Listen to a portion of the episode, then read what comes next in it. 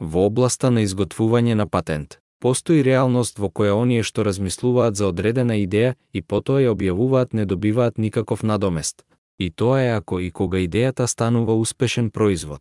Како што е познато, оние што ја добиваат целата компензација и кредит се истите луѓе кои ја украле идејата и ја развиле, истовремено презентирајќи ја идејата како нивна оригинална идеја, така да се каже. Ова секако предизвикува неправда за оние што излегоа со идејата на прво место. Повикувам за формирање на компанија која ќе развие систем наречен право на први. Систем чија цел ќе биде да го лоцира првиот човек или првата група на луѓе кои размислуваа за идејата, ако и кога стана успешен производ, и да се работи кон исцрпување на правата на луѓето од кои идејата е украдена со цел да им се овозможи да добијат соодветно враќање за тоа. Уеле напоменам дека 1. Јас не сум професионалец во областа на уредување на патенти. 2. Ова е само почетна идеја за која размислував.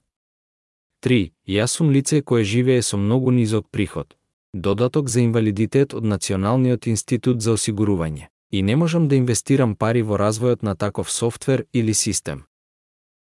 4. Јас сум лице кое живее со многу низок приход, додаток за инвалидитет од Националниот институт за осигурување. Затоа, не можам да инвестирам средства за развој на таков систем.